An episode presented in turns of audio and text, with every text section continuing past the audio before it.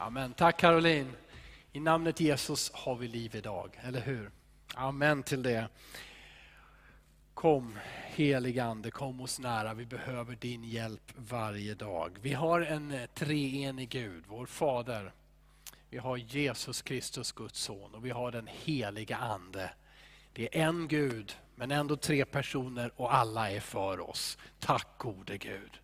Och Det är det som gör det möjligt. Det är det som gör att vi får liv. Gud har skapat oss till liv. Han vill att vi ska leva evigt. Men alla vet att livet på olika sätt eh, är, förstörs och inte blir så mycket liv som man drömmer om och tänker. Men vi vet att Gud vill liv och vi vet att Gud har gett oss en analys av problemet och det är synden som förstör. Den har han tagit hand om när han dog på korset för alla människor. Eh, vårt, det medel som han ger till oss, det är inte att, att förbättra våra liv. Att göra vårt bästa, att skärpa oss, ta oss i nackskinnet och bli bättre människor. Utan det är att tro att han har dött för våra synder och låta honom ta bort det. Amen. Att låta honom göra oss rena. Eh, det här är väl enkelt evangelium och jag ska inte undervisa så mycket, eller så ska jag det. Men jag har bestämt mig för att inte förbereda mig mer än nödvändigt den här gången. Jag ska, tror jag, inte vara lång däremot. Eh, men jag vill ge lite av de här viktiga punkterna eh, ändå. Som är så, vi återkommer till så ofta. Ordet, Bibeln, Guds ord, budskapet. Bönen, det här är ett bönemöte. Vi, eh, vi sänder ju två stycken möten live per vecka. Eh, det vill vi göra och det är inte, det är inte av en slump att söndagen präglas av lovsången, också av bönen och att mycket av tiden, huvuddelen av tiden går till förkunnelse ifrån Guds ord. Och Det är ingen slump att när vi så här på onsdagskvällar möts så är det för att be tillsammans, men så också ge plats för Guds ord. Ordet och bönen.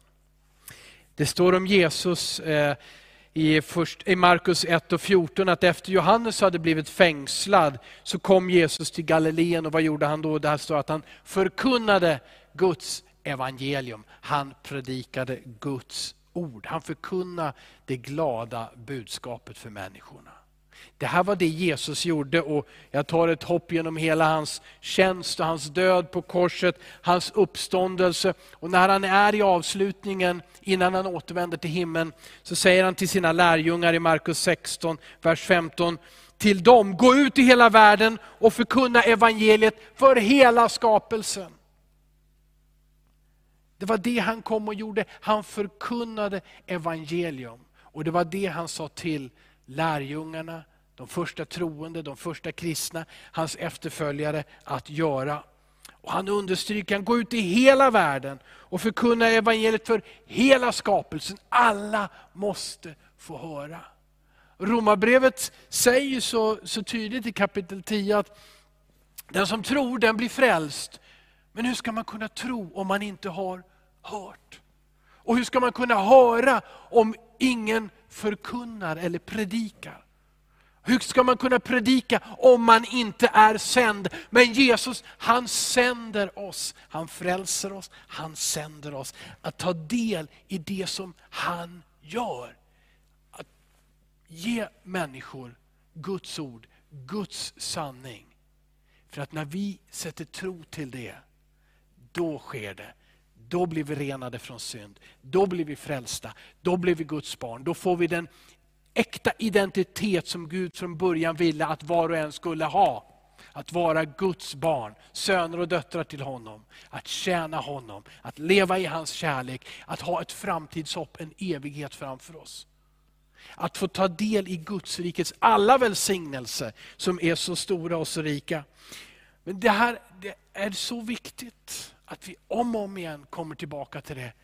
Vad säger Guds ord? Jag vill förstå det, jag vill läsa det, jag vill ta till mig det, jag vill leva utav det, jag vill göra det till min näring, till mitt bröd. Det är så viktigt att vi om och om igen tar tid för Guds ord.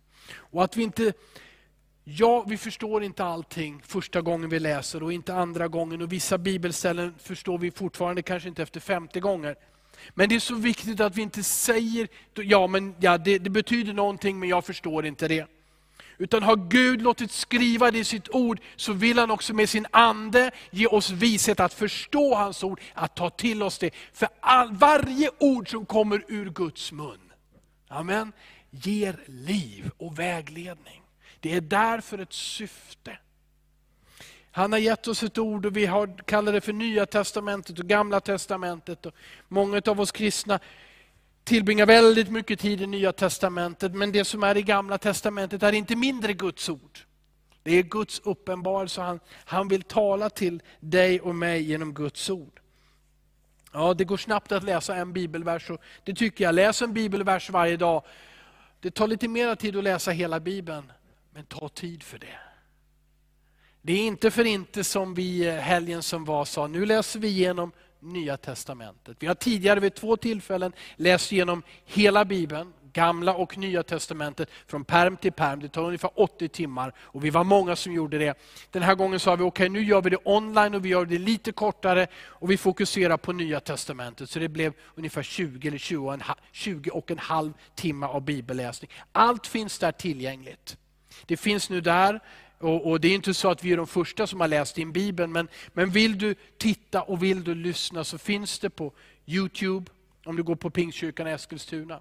Det finns på Facebook, Pingstkyrkan Eskilstuna. Det finns naturligtvis på vår hemsida, som, vad heter den? Jo, Pingstkyrkan Eskilstuna. Vilken ö, eh, överraskning.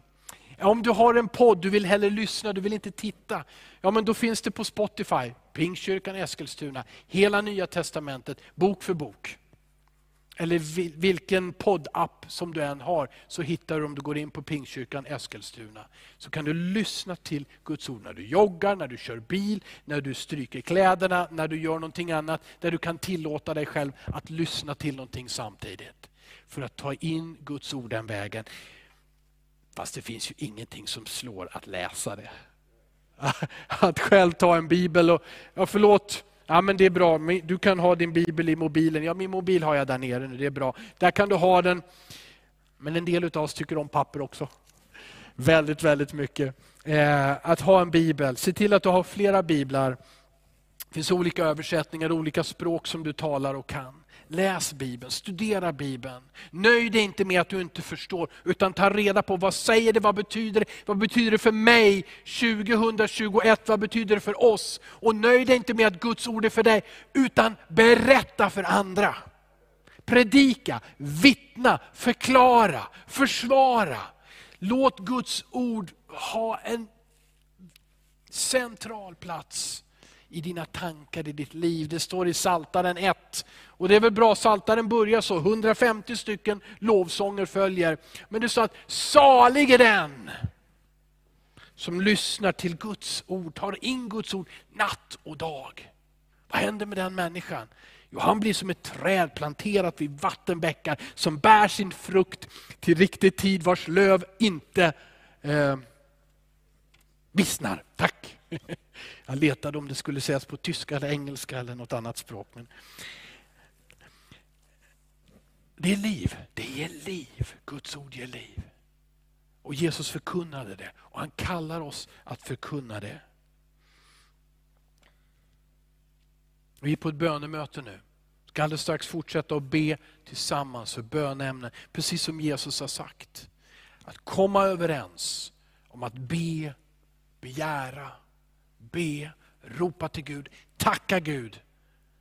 Och han ska svara på bön. Vi, eh, jag tänker på när eh, Jesus stod inför den största utmaningen i hans liv. Att överlämna sig själv, frivilligt överlämna sig själv i hedningarnas händer, i fiendernas händer till att plågas, torteras som vi säger idag, lida, korsfästas och dö för vår skull. Det är ju ingen av oss som frivilligt vill lida. Det finns inget önskemål hos en frisk människa att vilja lida. Vi motstår det. Vi, vi beundrar de som lider för någonting. De tar någonting på sig för att nå ett mål. Och vi beundrar ännu mer de som gör det för andras skull. Jesus tog det största lidandet på sig. Hur förberedde han sig? Jo, i ett semane trädgård läser vi om hur han bad, han bad, han svettades blod. Han kämpade inför Gud sin far och sa, ske din vilja. Men han ville ha lite stöd ifrån sina lärjungar den gången. Han ville ha lite bönestöd. Och de somnade om och om igen. Och då säger, eh, då säger Jesus till Petrus så här, ska vi se, kan det vara i Markus kapitel 14. Så säger han till Simon Petrus, Simon, i vers 37. Markus 14 och 37. Simon, sover du? Kunde du inte vaka en enda timme? Vaka och be att ni inte kommer i frestelse. Anden är villig, men köttet är svagt. Köttet är svagt, men i bönen så verkar anden. Och Jesus ville att hans lärjungar skulle be. Men han frågar Petrus, inte en enda timme kunde du hålla dig vaken att be. Och att vi lär oss att bedja. Att bedja hemma. Ta en minut, ta tio minuter, ta en timme, ta en dag. Att vi gör det, att vi gör det hemma och att vi samlas i bön som vi gör nu via nätet och förhoppningsvis snart tillsammans fysiskt också. Många fler än de åtta som nu får delta i gudstjänsten. Men vi ber tillsammans och det är så centralt säger Jesus. Han ville att lärjungarna skulle lära sig det. Och när Jesus hade lämnat dem, så, så när han hade återvänt till himlen så sa han till dem, nu ska ni stanna i Jerusalem ett tag, sen ska ni gå ut i hela världen och predika för hela skapelsen. Men vad gjorde lärjungarna? Låt mig bara påminna om det. Jo, det står att de höll enigt ut i bön tillsammans med några kvinnor, Jesu mor Maria och hans bröder. Apostlagärningarna 1 och 14. Det var det de gjorde när Jesus hade lämnat dem. De hade fått det stora uppdraget, men han sa först vänta tills kraften kommer från himlen den helige Ande. Och vad gjorde de? De bad. De bad, de läste Guds ord och så gjorde de någonting mer. De behövde en tolft, ett tolfte vittne, en tolfte apostel. De sa, vi måste ha ett, någon som vittnar om Jesu uppståndelse tillsammans med oss. Och då bad de igen och så utvalde de Mattias till att vara den tolfte tillsammans med dem. Du ser hur bönen och vittnesbördet eller ordet predikan, hur det går tillsammans hela tiden. Hur det präglade gemenskapen kring Jesus och lärjungarna. Hur det präglade dem när Jesus hade återvänt till himlen. Det var ordet och det var bönen. Och detta är fundamentet för en församling 2021. För den församling som vill vara redo när Jesus kommer tillbaka. För den församling som vill ha kraft att gå ut i hela världen och berätta för alla alla människor. För de som vill vittna om vad Jesus gör, så är ordet och bönen så väsentliga, så centrala. Amen.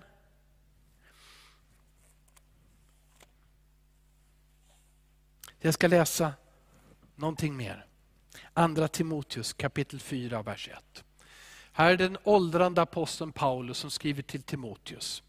Timoteus, en, en, en förkunnare, en pastor, som, som, som Paulus till stora delar också hade tagit med och tränat upp. Och då skriver han till Timoteus så här, i andra Timoteusbrevet kapitel 4, vers 1 och framåt. Jag uppmanar dig allvarligt Eh, när jag började läsa de här orden, jag uppmanar dig allvarligt och det som följer, då tänkte jag på det som, som, som har hänt just idag. Nu då. Vi har ju många, vi har tittat på nyheterna och, och Joe Biden har, har svurit den här presidenteden. Och den börjar lite sådär, I solemnly swear. Jag, jag, jag, jag svär, jag lovar allvarligt att. Och så ska han då bevara och försvara eh, Eh, konstitutionen, USAs konstitution eller grundlag. Och lovar det. Och, och det, finns, det finns en sån kraft när, när Paulus skriver här till Timoteus. Det är verkligen minst en presidential oath, alltså en, en, en ed som, som avläggs. Han säger det här, Timoteus, jag uppmanar dig allvarligt. Vi skulle kunna säga med handen på Bibeln, brukade man säga ibland. Men här står det så här, ja, inför Gud och Kristus Jesus, och nöjer sig inte bara med det, utan Kristus Jesus som ska döma levande och döda. Inför hans uppenbarelse och hans rike. Förstår du vilken kraft, vilket allvar Paulus lägger i orden här. Han uppmanar honom allvarligt och tar, och tar det, de största sakerna som Paulus kan hitta till vittne. Gud Fadern, Jesus Kristus, som inte är bara en snickare från Nasaret, utan han som ska döma levande och döda. Inför honom och den uppenbarelse som Gud har gett och hela Guds rike. Nu, vad ska du göra Timoteus? Jo, predika ordet. Träd fram i tid och i otid. Tillrättavisa, varna och förmana med allt tålamod och med all undervisning. Inte med lite tålamod och lite lagom med undervisning, utan all undervisning, hela evangeliet. Och gör det med tålamod, kom tillbaka, upprepa, fördjupa, påminn, gå tillbaka till Guds ord. Och Det här är ett ansvar på var och en av oss själva.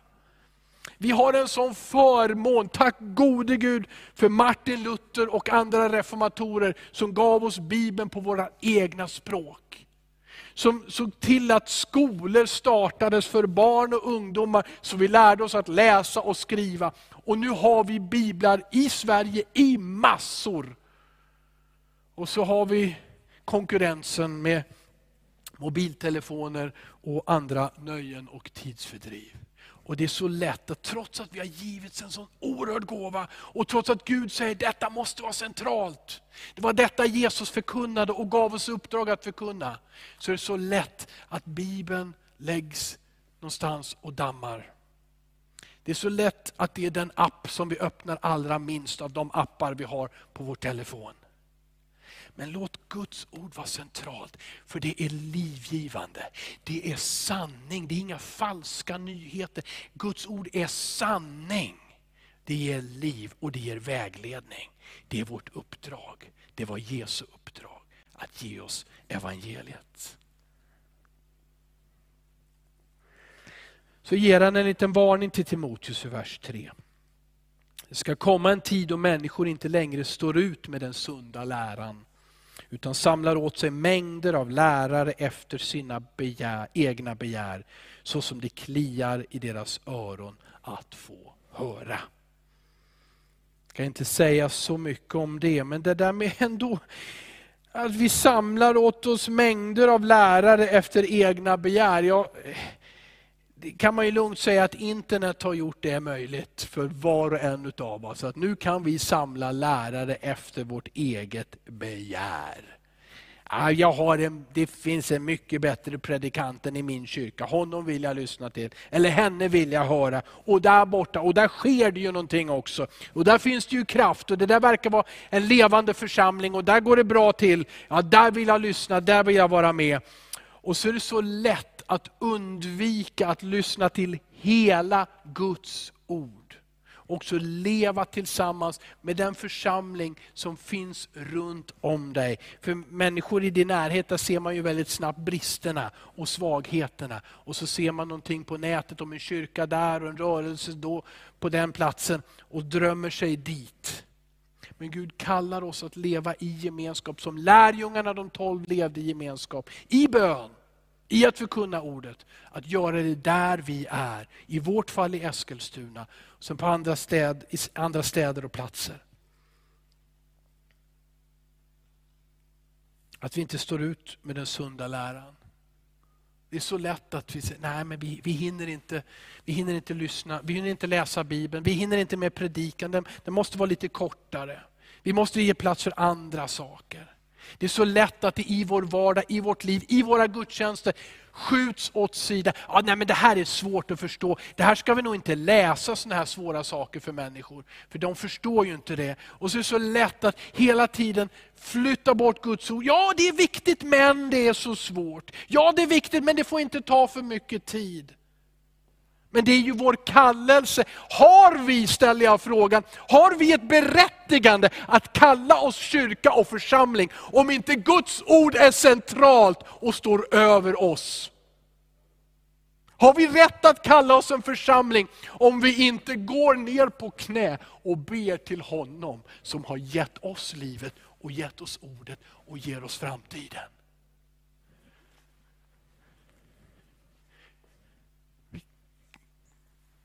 Begär inte en klubb eller förening. Det är bra med klubbar och föreningar. Det är fint. Men vi är kallade att vara Guds församling.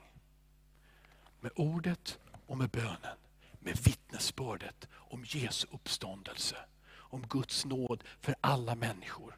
Vi är kallade att med våra händer och fötter älska människor konkret.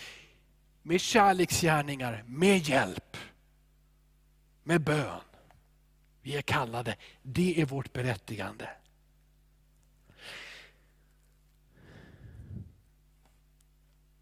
Till Timoteus skriver han till sist, vers 5. Men var du sund och förnuftig på alla sätt. Det är vår bön. Må Gud hjälpa oss med detta. Att vara sunda och förnuftiga. Bär ditt lidande det vill säga ta inte den enklaste och den snabbaste vägen, utan bär ditt lidande. Och är det ett lidande för dig att som Petrus och de andra som var med i, i trädgården, att be en timme. Ta det till dig, bär ditt lidande då, om det är ett lidande att be en timme. Men lär dig att bedja och hålla ut. För det är din styrka. Och där verkar Guds ande i bönen. Utför en evangelists gärning, skriver han till Timoteus. Det vill säga, berätta om Jesus, förkunna Guds ord. Gå till nya platser, möt nya människor och vittna om att Jesus lever. Och fullgör din tjänst. Låt oss inte ge upp. Det är verkligen så, anser jag, tycker jag, att mycket blir kallare och hårdare. Fy för den här pandemin och för isoleringen, avståndet människor emellan. Att människor, grannar, bekanta, arbetskamrater, församlingsmedlemmar som vi tidigare har träffat dagligen eller i alla fall varje vecka, nu kanske inte har sett på ett år. Och hur lätt det är att rädsla präglar allt. Åh, kommer du? Kom inte för nära. Hur lätt det är att rädslan präglar, ja, de där, åh de där. Och så skäller man över andra människor. Svartmålar dem som om de vore så väldigt annorlunda än du och jag. Vi är alla människor. Och Gud är vår Gud och han ger nåd till alla människor. Han har gett dig och mig nåd och han ger dem nåd. Låt oss älska varandra och bry oss om varandra. Låt oss fullgöra vår tjänst i den här tiden. I den här tiden. Låt oss inte acceptera att kärlekslöshet växer, utan låt oss vara de som säger, då ska jag älska ännu mer. Och när jag märker att jag inte har kärleken, låt oss vända oss till Jesus och till Guds ord. Det ger oss kärlek, det förnyar oss. När andra ger upp, låt oss inte vara de som ger upp. Utan följer Jesus och tjänar om vi fullgör vår tjänst. Om du kommer i den situationen att du känner dig totalt ensam, den som vill stå upp för sanningen, stå upp för Guds ord, vittna om Jesus. Vik inte ner dig. Det står att om du dras inför rätta, så ska du inte förbereda dig. Utan den heliga Ande ska lägga ord i din mun. Du är aldrig ensam, aldrig någonsin. Du må tycka att du är den enda som tror på Gud på den platsen, och så kan det vara. Det kan verka som om alla andra har rätt, men du tycker, men det är ju ändå det här som är sanningen, borde jag inte stå för det? Jag står för det! Stå för det som är sanningen. Och vittna om Jesus. För den heliga Ande själv ska lägga orden i din mun. Han vill, han kom för att förkunna Guds ord. Jesus Kristus. Han kallade oss. Och blir vi trängda, eller är vi frimodiga som Petrus var på pingstdagen. Den heliga Ande vill lägga just dessa ord i vår mun. Dessa ord som ger liv. Så en gång, än en gång, och jag kommer väl säga det hur många gånger som helst det här året. Låt Guds ord ha den centrala platsen i ditt liv, i våra liv. Låt bönen alltid vara i mitten av det vi gör. Låt oss aldrig sluta att berätta om Jesus, vittna för människor. I Jesu namn. Amen säger jag. Fader i himlen. Hjälp oss att gå din väg. Och jag ber för min medmänniska vars hjärta bultar. Som känner kallelsen men kanske kämpar med rädsla, eller besvikelse, eller tanke på misslyckanden, eller att man är ensam, eller allt det där som blir till ursäkter. Hjälp oss att säga ja till dig, till din vilja, till ditt ord i våra liv. Ja till dig. Ja till din kallelse. Ge oss nåd, ge oss kraft i vår svaghet att säga ja. Jag vill bedja. Jag vill följa Guds ord. Jag vill förstå det och jag vill själv förkunna det och berätta om att Jesus lever. Ge oss nåden att säga ja och gå din väg Herre. Och jag ber att genom bönen och genom ordet ska vår församling, trots att vi är fysiskt på många platser, få vara ett i dig. Genom bönen, genom kärleken Herre. Låt denna församling stå ett Herre. I det uppdrag som du har gett oss i den här tiden. I Jesu namn. Amen.